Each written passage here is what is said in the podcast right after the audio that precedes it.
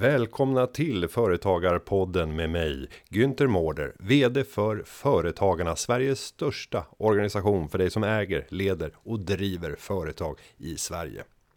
Ett gott ledarskap är avgörande för att lyckas med sitt företagande och att vi ständigt får nya unga skickliga ledare. Det är centralt för att Sverige ska utvecklas positivt. I det här avsnittet så ber vi dig som lyssnare om en tjänst. Konungen firar 50 år på tronen, vilket ska firas. Näringslivets hyllning kommer att bestå i ett ekonomiskt bidrag till konungens stiftelse Ungt ledarskap som uppmärksammar, prisar och utbildar unga ledare idag. Vi vill att du ger ett bidrag genom den crowdfunding-kampanj som stiftelsen just nu genomför fram till den 14 september. Gå in på ungtledarskap.se för att få reda på mer om stiftelsens viktiga arbete och gå sen in på www.eaktiebok.se för att registrera din gåva. Varje krona gör skillnad. Till veckans avsnitt har vi bjudit in någon som verkligen är i epicentrum för bildandet av framtidens ledare. Välkomna till veckans avsnitt av Företagarpodden. Då sitter jag här med Lars Strannegård som är rektor på Handelshögskolan men idag här i egenskap av ordförande för Konungens stiftelse för ungt ledarskap. Välkommen! Tack så mycket! Och då undrar man ju, vad är Konungens stiftelse för ungt ledarskap? Ja, det är ju Konungens stiftelse för ungt ledarskap. Eh, och det är en stiftelse som har till eh, uppgift och syfte att egentligen då stötta det unga ledarskapet. Och då kan man fråga sig vad det är för någonting. Eh, och det är egentligen faktiskt ett initiativ som är från kungen själv från början. Eh, där det finns ett, från hans sida ett väldigt stort intresse för den unga generationen. Och ehm, det ledarskap som kanske ser lite annorlunda ut ändå för unga personer. Och det är, har en, har en eh, tät koppling till scoutrörelsen också, där kungen har en, ett stort engagemang för just det. Och stiftelsen den finns till för att eh, dels peka på olika eh, förebilder, unga, duktiga, skickliga eh, individer som, som bedriver ledarskap på något sätt. Och det är också tre ledord som man tycker de ska utmärkas av. Och det är mod, omtänksamhet och handlingskraft. Eh, och då unga ledare som uppvisar detta på olika sätt kan då få en, eh, en utmärkelse som kallas för Kompassrosen. Eh, där då hela tanken är att visa upp dem som förebilder och då, då är det olika ja, typer utav, utav ceremonier och sådär där man, där man utses till det. Så att de fungerar just för förebilder för andra. Och sen stöttar också stiftelsen en utbildning som heter värdebaserat ledarskap som scouterna bedriver som egentligen handlar väldigt mycket om grundläggande värderingar och att man då kan styra eh, sig själv och andra genom en, en eh, större förståelse för, för just värderingar. Och det här var en stiftelse som startades i samband med konungens 60-årsdag, vad jag har förstått. Just det. Och eh, sedan dess har det varit eh, många stipendiater som har blivit eh, hyllade och fått utmärkelser från, från stiftelsen. Om man ska försöka sammanfatta, vilka typer av ledare är det som vi ser som stipendiater? Då är de här ledorden just eh, mod, omtänksamhet och eh, handlingskraft väldigt centrala. Och det är egentligen representanter från samhällets olika delar. Det kan vara eh, ifrån, ifrån offentlig sektor, privat sektor och ideell sektor. Och det är individer då, unga, som har utmärkt sig på något väldigt, väldigt speciellt sätt.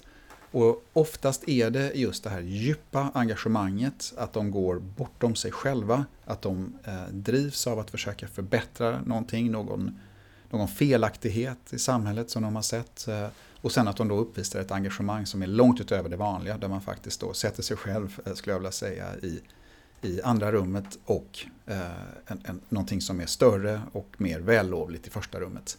Så det är en sorts röd tråd eh, där, där eh, man kan se att alla de som har fått den här utmärkelsen har gjort någonting som har varit stort. Det kan vara inom ungdomsidrotten, det kan vara inom kulturen, det kan vara inom eh, inom näringslivet eller då offentlig sektor. Att man verkligen har ett mycket stort engagemang och är lite modig och agerar då på ett sätt som inte är helt självklart. Och nu firar konungen 50 år på tronen. Det är smått ofattbart att eh, tänka den tanken. Och jag såg någon eh, sammanställning. Det är bara ett fåtal, är det två eller tre andra regenter som har suttit längre. Eh, drottning Elisabeth naturligtvis som, som gick bort tidigare under, under, var det 2023? Det var det 2022? Ja, gick bort tidigare. Mm. Eh, Eh, Eh, var ju den som hade suttit absolut längst. Men, men det är väldigt aktningsvärt, så det här är värt att uppmärksamma och att fira. Eh, därför har näringslivet, näringslivet bestämt sig för att eh, göra en insamling till Konungens stiftelse för ungt ledarskap. Och det är eh, skälet till att vi sitter här och pratar idag om det här.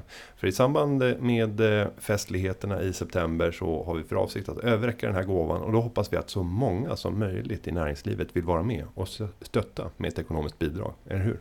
Så är det, det är ju underbart tycker jag, det är så roligt. Och dels är det ju särskilt roligt tycker jag då att att kungen har, har eh, sagt att eh, om man vill uppmärksamma eh, det här jubileet då vill han att eh, eh just den här stiftelsen för ungt ledarskap ska uppmärksammas. Så att det är det eh, helt enkelt enda så att säga ehm, målet som han har eh, när det gäller insamlingar, att det ska gå just dit. Så vi är ju superglada över det. Och att nu det här görs, det är ju bara helt fantastiskt. Så att min tacksamhet är stor redan nu.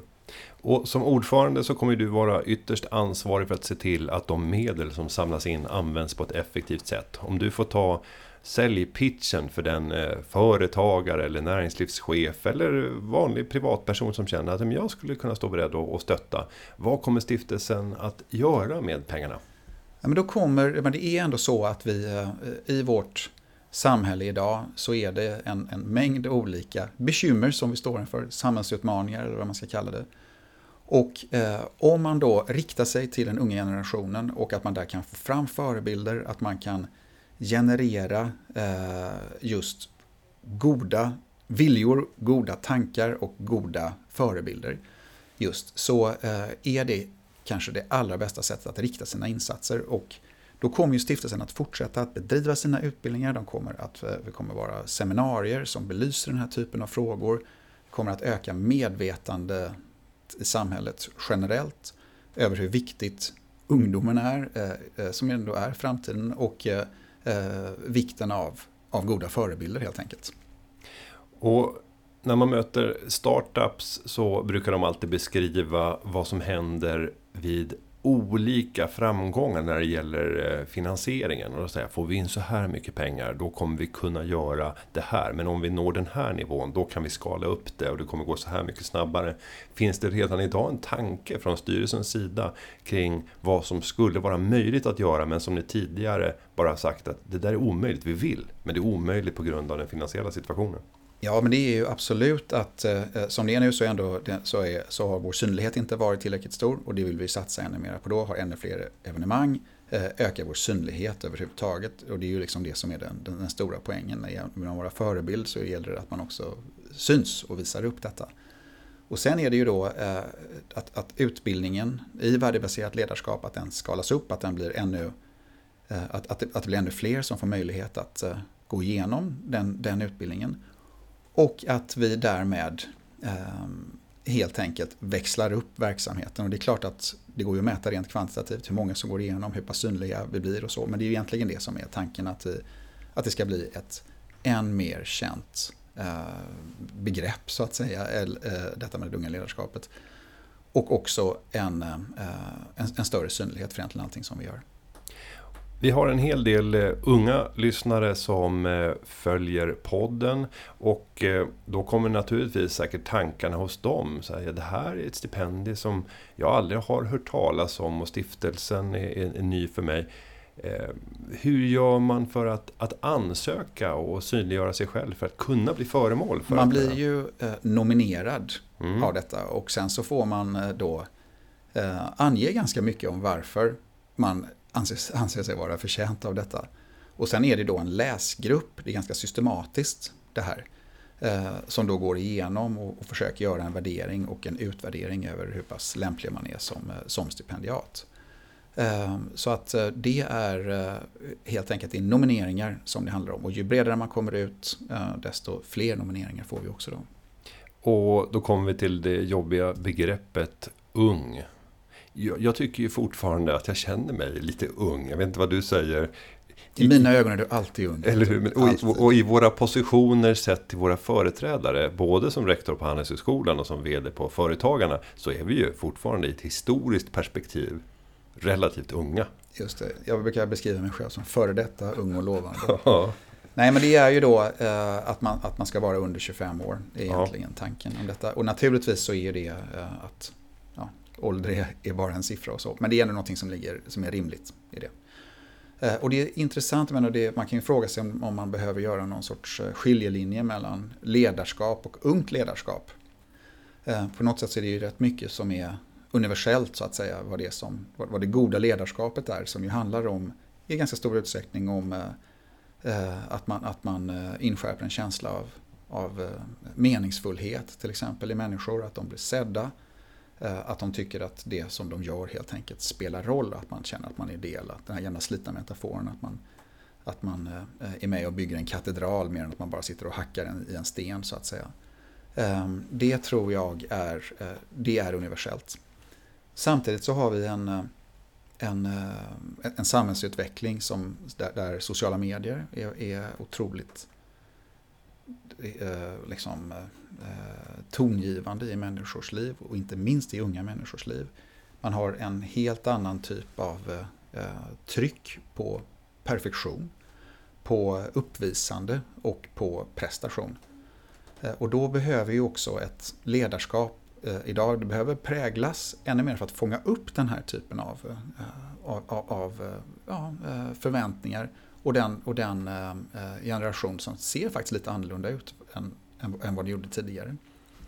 I gamla dagar så tyckte man att eh, status såg lite annorlunda ut. Man hade hörnrummet och man eh, tyckte att det var viktigt med titlar och sådär.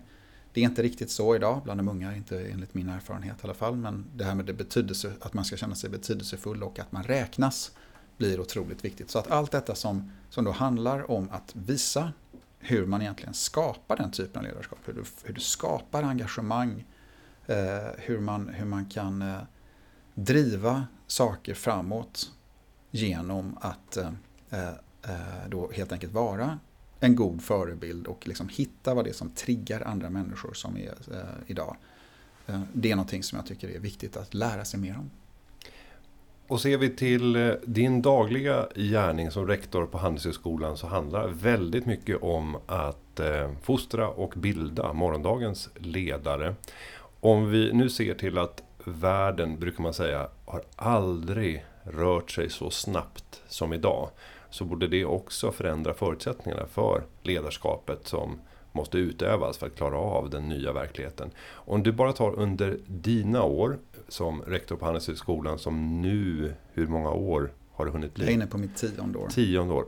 Har det förändrats bara under de här tio åren när det gäller förutsättningarna för vad man behöver rusta morgondagens ledare inför? Ja, men I allra högsta grad, inte minst då genom digitaliseringen och och den artificiella intelligensens framväxt. Eh, där, jag menar om man, om man eh, ser på, på kompetenser och kunskap, då är det ju liksom den artificiella intelligensen eh, skulle man ju i första anblick bara säga konkurrerar verkligen med, med människor när det gäller den kognitiva kapaciteten. Och om man då fortsätter att utbilda på precis samma sätt och tror att företagande och eh, organisering ser likadant ut idag, då är, då är man ju eh, ganska farligt ute. Och vi har ju fattat beslutet att vi tror ju mer och mer nu då på mänsklighet och den mänskliga faktorn så att säga. Eh, maskinerna är ännu så länge inte så duktiga på mänskliga aspekter, eh, på, liksom på, på känslor av olika slag, på empati, eh, på förmågan just då att, att se till helheter och kontextualisering. Så vi har ju vridit om vår utbildning Eh, naturligtvis har vi kvar alla våra kärnämnen, man blir jätteduktig på hur, på hur resultaträkningar relaterar till balansräkningar och så hos oss. Men vi har också infört många inslag eh, som handlar då om kreativa element av analytiska eh, element av empati och reflektion. Mycket mer. Saker som alltså en, en uh, chat GPT 4 och 5 är ganska dåliga på självreflektion så att säga eftersom de är maskiner än så länge. Eh, man får tro vad, vad man vill om, om domedagsprofeterna inom AI men än så länge så är de ju inte speciellt duktiga på just, eh, på just reflektion och självkännedom. Eh, så att vi har ju ökat inslaget av det därför att vi tror att de viktigaste egenskaperna i morgondagens arbetsliv kommer handla om just den förmågan att sätta sig in i andra människors situation. Se världen ur deras perspektiv, vrida på perspektiven och gå i deras skor. Eh, och om man gör det, då ökar också sannolikheten att man kan bli vän så att säga med den artificiella intelligensen och tekniken mer än att det blir en sorts motståndare så att man gör den till sitt verktyg och följeslagare istället för huvudkonkurrent. Eh, så att vår vridning har gått väldigt mycket ifrån rena enbart faktakunskaper till en mer holistisk syn där hela människan är med och där man egentligen utvecklar människans fulla potential. Och det gäller ju ledarskapet som helhet också. Eh, det, det, det blir än mer av den varan, det kommer bli ännu viktigare i framtiden att se hur, eh, eh, ja, sätta sig in i andra människors situation helt enkelt. Om vi tar frågan att leda organisationer, kanske i form av företag, så är min upplevelse när jag tittar tillbaka under min börskarriär, du har följt många av de största börsbolagen. Att det var väldigt vanligt på 90-talet och inledningen på 2000-talet att, att vdn var en specialist. Och eh, någon som var oerhört sakkunnig kring det bolaget sysslade med. Idag så slås jag över att eh, duktiga ledare gör resor mellan branscher och kastas in i branscher där de helt saknar erfarenheter och att man från styrelsers sida ibland till och med letar efter personer som inte är sprungna ur branschen. Det här är en personlig spaning. Gör du en eh, liknande analys? Har du sett något motsvarande när du tittar ut på var ledare plockas ifrån? Och... Ja, man kan ju se att det ligger ju en, ligger en, en god spaning skulle jag säga. Eh, men det, det, det, det, handlar ju om att man, anledningen till att man då kanske vill se någon som är icke-specialist, det är att det är rätt svårt att vara specialist överhuvudtaget, därför att utvecklingen går så snabbt som den faktiskt gör. Eh, och det finns ju en risk att vara specialist, att man då faktiskt fastnar i Eh, ja, en rådande teknik till exempel, eller en teknologisk lösning. Eh, och om du har någon som kommer utifrån, då tvingas ju den se på världen på ett annorlunda sätt. Eh, och helt enkelt vidga sitt synfält, vilket är, viktigt i sig att göra. Men en duktig ledare behöver likväl ha den största respekt för specialisterna och också inse att man kanske inte kan allt det där som, som företaget då kanske sysslar med. Och den där ödmjukheten, den är nog väldigt bra att ha. Och den, den, den, du behöver inte eh, komma utifrån, för det kan ju mycket väl vara väl förtrogen med en viss bransch. Om du gör det, så länge du har den, den, den ödmjukheten och förmågan att kunna eh, helt enkelt lita på andra och, och eh, försöka släppa dem fria så att säga inom, inom, inom givna ramar naturligtvis. Eh, men, men eh, just det där att vidga sina vyer, ha, ha, eh, vara ödmjuk och ha respekt för att man faktiskt inte kan allting själv. För det kan man inte. Jag menar, det bara se, jag menar, in, inom vår, eh, vår bransch där nu när det har ju förändrats totalt i och med att ChatGPT kom in. Då kan vi inte bedriva vår undervisning på samma sätt. Vi kan inte tenta på samma sätt. Eh, de som söker in med motivationsbrev, det har vi helt slutat med att ha motivationsbrev. Vi har liksom noll kraft i sig därför att man kan bara gå ut och, till ChatGPT och säger skriv ett, ett övertygande motivationsbrev om varför jag ska gå på Handelshögskolan. Och då säger det plopp och så kommer det ut. Så att det är liksom ingenting som säger någonting om den. Eh, den personen. Så vi måste ställa om och om vi då är fast i våra eh, gamla mentala modeller så att säga så blir vi också omsprungna av tekniken och därmed samhället som helhet. Om du då skulle få ge några råd till den som är ung, kanske under 25 eller lite över. Hur man ska rusta sig för eh, ett ledarskap för de kommande decennierna. Var skulle du säga att eh, man ska spendera tid för att eh, på olika sätt förkovra sig, skaffa kompetenser eller färdigheter. Men då tror jag att man först och främst måste ha den största respekten ändå för grundläggande kunskaper. Att man faktiskt förstår en bransch till exempel. Att man förstår en teknik. Eh, eller att man förstår en verksamhet. Det måste man liksom. Du kan inte ge dig in i finansbranschen om inte du vet hur det finansiella systemet grundläggande fungerar. Det är basen fortfarande. Men sen så måste man rusta sig med ett, eh, ett stort inslag av reflektion. En, en förmåga att kunna bryta upp de skygglappar som man faktiskt har. Vara ödmjuk eh, inför sin egen ofullkomlighet när det gäller förståelse av av, av eh, ämnen, branscher, men också av andra människor. Och liksom att man säger bara, jag kan inte allt, jag förstår inte allt, men jag har en vilja att lära mig. Och sen behöver man också vara modig och säga, okej, okay, jag försöker, jag, jag, jag, prövar saker, men man får också vara beredd på misslyckanden de facto. Det kan gå, det kan gå fel. Och då måste man försöka ha ett lärande, eh, Eh, eller en vilja till lärande inbyggd i det och inte bli nedslagen heller av att man är en, en, en, en, en failure så att säga, utan att man faktiskt ser allt det där som en, som en lärmöjlighet. Och framförallt då att man som alltid har eh, den här förståelsen för andra människor och en vilja att göra gott och att försöka skapa meningsfullhet hos så många som möjligt. Och alla de här grejerna går att träna upp, det är en inställningsfråga i väldigt hög utsträckning. Det går att plugga, det går också att läsa skönlitteratur till exempel för att lära sig att sätta sig in i andra människors situation eh, och försöka förstå andra. Så att jag tror att det finns eh, en, en, en, stor möjlighet att också göra det på egen hand. Vissa saker behöver man en utbildningsinstitution till, men det går också att göra rätt mycket själv. Och sen pratar vi om det här ständiga lärandet. Att skaffa sig en utbildning och säga att man har en master från Handelshögskolan eller något annat lärosäte. Är knappast grundreceptet för eh, att vara rustad för ett livslångt arbetsliv. Hur ska man bygga in det här livslånga lärandet? Vad tycker du är de viktigaste komponenterna för att ständigt fylla på med nytt? Ja, men då är ju alltså livslångt lärande för mig handlar om att du har ett reflekterande förhållningssätt. Där du hela tiden omprövar och säger det jag tycker och, och, och tänker kanske inte är aktuellt längre. De här teorierna, modellerna som jag agerar efter eh, kanske hör historien till.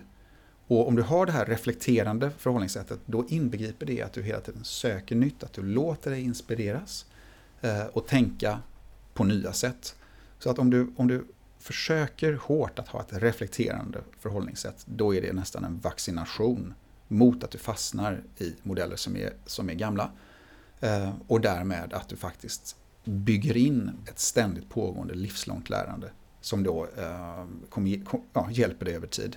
Och det, om, man, om man har det, då, då triggar det också den nyfikenhet som faktiskt alla människor har. Och om du har nyfikenheten, då söker du också ny kunskap. Då kanske du går ut på YouTube och lär dig någonting. Du kanske läser en bok, du kanske går någon kurs på eh, Coursera eller edX eller någonting sånt där. Eh, och eh, talar med andra med ett öppet och nyfiket sinne. Och då, det är liksom svårare än så, höll jag på att säga, är inte det livslånga lärandet, utan i grunden handlar det om en ödmjukhet och en förståelse att man själv inte är fullkomlig. Lars Strannegård, eh, stort tack för att du har kommit till podden och eh, i rollen som eh, ordförande för Konungens stiftelse för ungt ledarskap så hoppas säkert både du och jag som representant från näringslivet att vi ska få många att vilja öppna plånboken och generöst ge en gåva för att på så sätt bereda möjligheter för ännu fler unga att uppmärksammas, prisas och att vi får skriverier och eh, möjligheter att bygga de här egentligen inspiratörerna som prisvinnarna och mottagarna blir. Mm. Så eh, stort tack Lars och eh, nu är det upp till dig som lyssnar att se till att ännu fler får prisas. Tack! Tack så mycket. Med det rundar vi av dagens podd och uppmanar dig att gå in på www.ungtledarskap.se och nominera unga ledare som du tycker ska uppmärksammas och prisas. Sen hoppas vi naturligtvis att du går in på www.eaktiebok.se och skänker en generös gåva till stiftelsens crowdfunding-insamling. Den pågår fram till den 14 september. Klippningen av avsnittet är gjord av Petra Cho och underlaget av David Hagen. Vi hörs igen nästa vecka. Tack för att du har lyssnat.